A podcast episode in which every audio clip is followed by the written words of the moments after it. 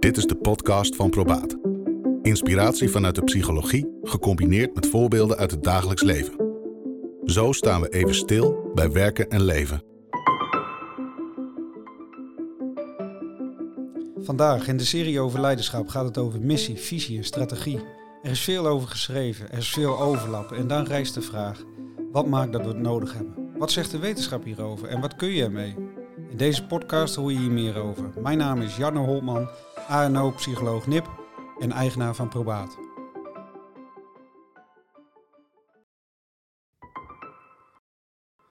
Johan Cruijff zei over visie: Je kunt beter ten onder gaan met je eigen visie dan met de visie van een ander. En ik denk dat dit heel tekenend is. Het koersen op iemand anders toekomstplan kan veilig voelen en tegelijkertijd lastig worden als je hem niet kan uitleggen. Zelf nadenken over de richting maakt veelal dat je hem veel meer doorleeft en eigen wordt. Dat betekent niet dat het einddoel vast ligt. Sterker nog, ik denk dat heel veel mensen het einddoel niet eens weten. Maar wel iets van piketpaaltjes kunnen voelen. En dat is ook visie. Laten we beginnen bij de definitie van de begrippen. Hierbij heb ik het ondernemersplatform van Nederland geraadpleegd, namelijk de Kamer van Koophandel. Daar krijgt iedere organisatie haar officieel startsein. En wat zeggen zij over deze drie begrippen?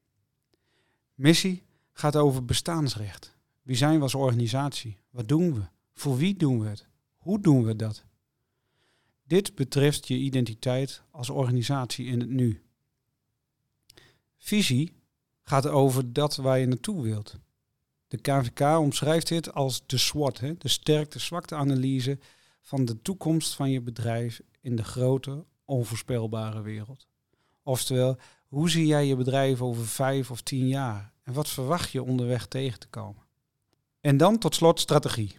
Strategie is het plan hoe je vanuit je missie naar je visie komt. Dus de weg tussen wie je bent naar dat wat je wilt zijn als organisatie. Hierbij heb je hulp, heb je vragen en eventueel medewerkers nodig bij de uitwerking hiervan om de weg naar je visie te doen slagen. Er zijn heel veel mensen die hier natuurlijk iets over te zeggen hebben. Maar voor mij is het logisch om te starten bij de meest invloedrijkste persoon ter wereld. En volgens de wetenschappers anno nu is Jezus uit Nazareth die man. Jezus heeft 2000 jaar geleden een beweging op gang gezet die nog steeds de meeste medewerkers ter wereld heeft. Circa 29% van de wereldpopulatie nu. Hier zou iedere leidinggevende toch wel iets van kunnen leren. En laten we vooral nu inzoomen op missie, visie en strategie. Ken je missie? Jezus wist wie hij was. Jezus wist waarom hij hier was gekomen. Voor wie hij het deed en hoe hij het ging doen. Dit staat heel duidelijk beschreven. Lees bijvoorbeeld de brieven van zijn vrienden uit die tijd. Matthäus, Marcus, Lucas, Johannes. Jezus had bijvoorbeeld regelmatig over dienend leiderschap. Het hoe je in de wereld kunt, kunt staan. Inmiddels zijn er veel goeroes anno, anno nu die dit als een nieuwe ontdekking inbrengen, terwijl Jezus hiermee kwam. En dan schets je toekomstplaatje, je visie. In de tijd dat Jezus leefde, was er ook sprake van een soort lockdown, waarvan mensen moedeloos werden. Juist dan hoop kunnen bieden en perspectief kunnen schetsen, helpt mensen om er doorheen te gaan. En dat is nu met COVID-19 niet anders. Hoop en duidelijkheid zijn hele krachtige mechanismen waar we heel veel baat bij hebben. En tot slot een duidelijk plan hebben. Strategie. Jezus verwoordde voortdurend zijn plan en koppelde hieraan stappen die, die nodig zijn. Perspectief combineren met de acties die nu nodig zijn, dat stimuleert ontwikkeling bij de medewerkers. Bij Jezus groeiden eenvoudige medewerkers uit tot zelfstandige, invloedrijke leiders. En voor eentje staat nu nog steeds een standbeeld in Rome. De manier van leiding geven is gestoeld op wie je bent. En op duidelijk richting geven. En de ander daarin meenemen. Daarbij is het essentieel dat je toekomstplaatje vertaalt naar concrete acties die nu nodig zijn. Veel mensen zijn net als mannen. Die hebben concrete aansturing nodig en dan lukt het meestal wel. Het is belangrijk dat richting en aansturing gepaard gaat met ruimte. Ruimte zodat de ander zelf kan kiezen. Zo help je de ander en daarmee jezelf. Hierover in de podcast van Samenwerking Meer. Nu het boek van Joel Aarts. Die heeft een prachtig boek geschreven over ontwikkel je leiderschap. En hij, hij omschrijft het als volgt. Leiderschap begint met visie. Je krijgt geen mensen mee, tenzij ze weten waar ze naartoe gaan en waar jij ze naartoe wilt nemen. Als je iemand vraagt, ga je mee? Volgt altijd de wedervraag, waar naartoe? Een visie is een bestemming, een plek of situatie waar je naartoe wilt. Heb je geen visie, dan ben je niet aan het leiden, maar dan ben je aan het rondhangen. De spijker op zijn kop, denk ik. Leiderschap is niks zonder richting en actie. Dit bevatten de termen missie, visie en strategie. Er zijn duizenden boeken geschreven over leiderschap en waar moet je nou überhaupt beginnen?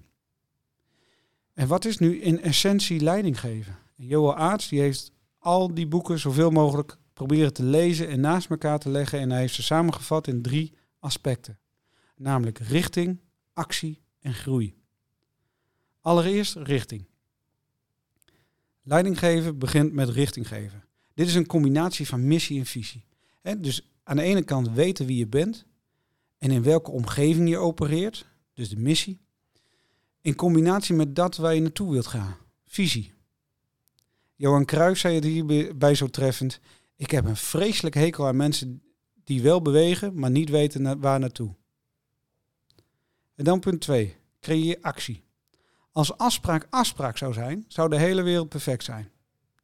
We verwachten vaak van onze mensen dat afspraak afspraak is. En tegelijkertijd worstelen we hier zelf ook vaak mee. Afspreken om tot actie over te gaan is lastig. De mens vindt het gewoon moeilijk om zijn of haar gedrag te veranderen. Dit is geen luiheid of domheid. En daarom vraagt dit van een leidinggevende om actie te creëren, om het uit te lokken. Je visie vertalen naar concrete brokken in het nu. Dit vraagt om concretiseren, om motiveren, maar ook om obstakels weg te halen en haalbare doelen te stellen. En voortdurend de richting voor ogen te houden. En dan punt 3. Stimuleer groei. Veel leiders willen dat een organisatie of een team gezonder en beter wordt. En tegelijkertijd blijkt dat 90% van die leiders nog nooit heeft nagedacht over hoe ze dat zouden kunnen doen. We vinden het dus wel heel belangrijk, maar maken het vervolgens niet eens concreet. Wat zijn we ook bijzondere wezens. Een medewerker is geen onderbreking van je werk als leidinggevende, maar ze zijn je werk. Wanneer we ervoor zorgen dat medewerkers gaan groeien, gaat het basisniveau omhoog en wordt het voor iedereen een stuk makkelijker. Het staat mij bij dat Johan Cruijff ooit vertelde in een interview dat hij een betere trainer is geworden sinds hij kinderen had. En ik denk dat dat ook opgaat voor mij als professional. Sinds ik papa mag zijn, kan je niet zonder richting geven en aanzetten tot actie. Ik merk, wanneer ik dit consequent doe, richting geef en daar een acties koppel, dat onze kinderen groeien. Vooral als ik ze daarna ook nog de ruimte geef om hierop te reflecteren. En dat laatste, daar kan ik zelf nog een beetje in groeien. Laatst waren we met de kinderen bij een vriend van me op een woonboot. We zaten beneden en de kinderen wilden graag naar boven naar de stuurhut. Hierop begonnen de volwassenen beneden een beetje onrustig te worden, want daarboven was namelijk ook de deur naar buiten, naar het water. En een van de volwassenen vroeg of de deur op slot moest. En dat triggerde mij. Waarop, ik reageerde dat ik liever de kinderen uitleg geef waar ze op moeten letten dan de ruimte bij voorbaat inperk. Hoop, hopende dat dit hun inzicht geeft waar ze ook op latere momenten iets mee kunnen, wanneer ik er wellicht niet bij ben. Leiderschap gaat over medewerkers meenemen, richting geven, actie creëren en groei stimuleren.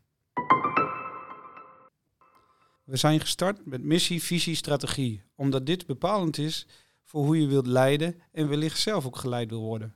Maar hoe? Hoe geef je richting? Hoe zet je aan tot actie en uiteindelijk tot groei? Oké, laten we starten bij richting geven. Waar wil je naartoe? Dat is voor sommigen op zich al een complexe vraag. En ik ben één van die sommigen. Ik krijg soms wel eens de vraag: waar sta je over vijf jaar? Of hoe ziet jouw organisatie er over tien jaar uit? En ik weet daar vaak het antwoord niet op. Ik heb wel een onderbuikgevoel van wat ik wel of niet zou willen. Maar zo'n concrete vraag roept bij mij eerder iets van stress op, van het niet weten, dan een heldere koers.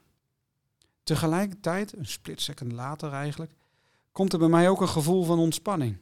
Want ik hoef het ook allemaal niet te weten. Piketpaaltje zetten en hier en daar wat checken en dan ook gewoon gaan is voldoende. Althans voor mij. Sinds de COVID-19 weten we weer dat maakbaarheid niet bestaat.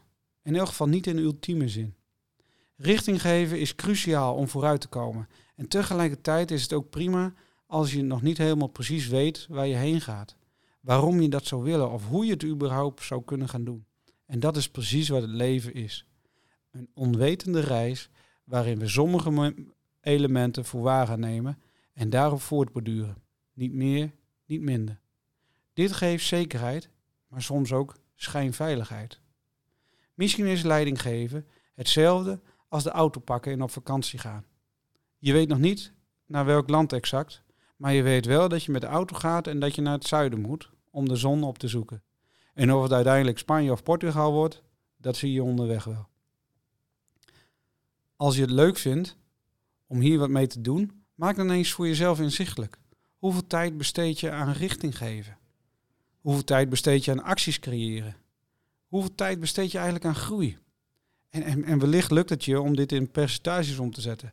En stel daarna je nog eens een, een verdiepende vraag. Hoe zou je eigenlijk het willen? Hoe zie jij, zou je die verdeling voor je zien qua richting geven, qua acties creëren en qua groei stimuleren? En dan de derde vraag is van oké, en, en welke actie kun je dan zetten om naar die, naar die unieke verdeling te komen? Deze opdracht kan je helpen om even fris naar je effort als leidinggever te doen kijken.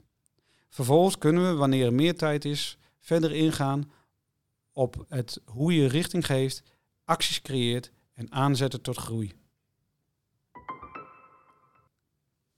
Het is niet de vraag of je nu wel of geen leider bent.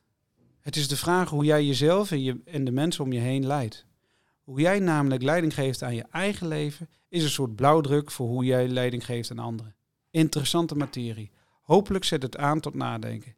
Ik ga er in ieder geval zelf nog verder over nadenken. Volgende week een nieuwe podcast over leiderschap. Dit keer met Ruud van Hal over persoonlijkheid.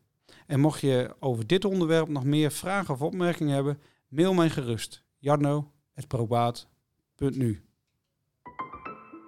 Dit was de Probaat podcast. U kunt ons vinden op www.probaat.nu. En de volgende vindt u ook hier.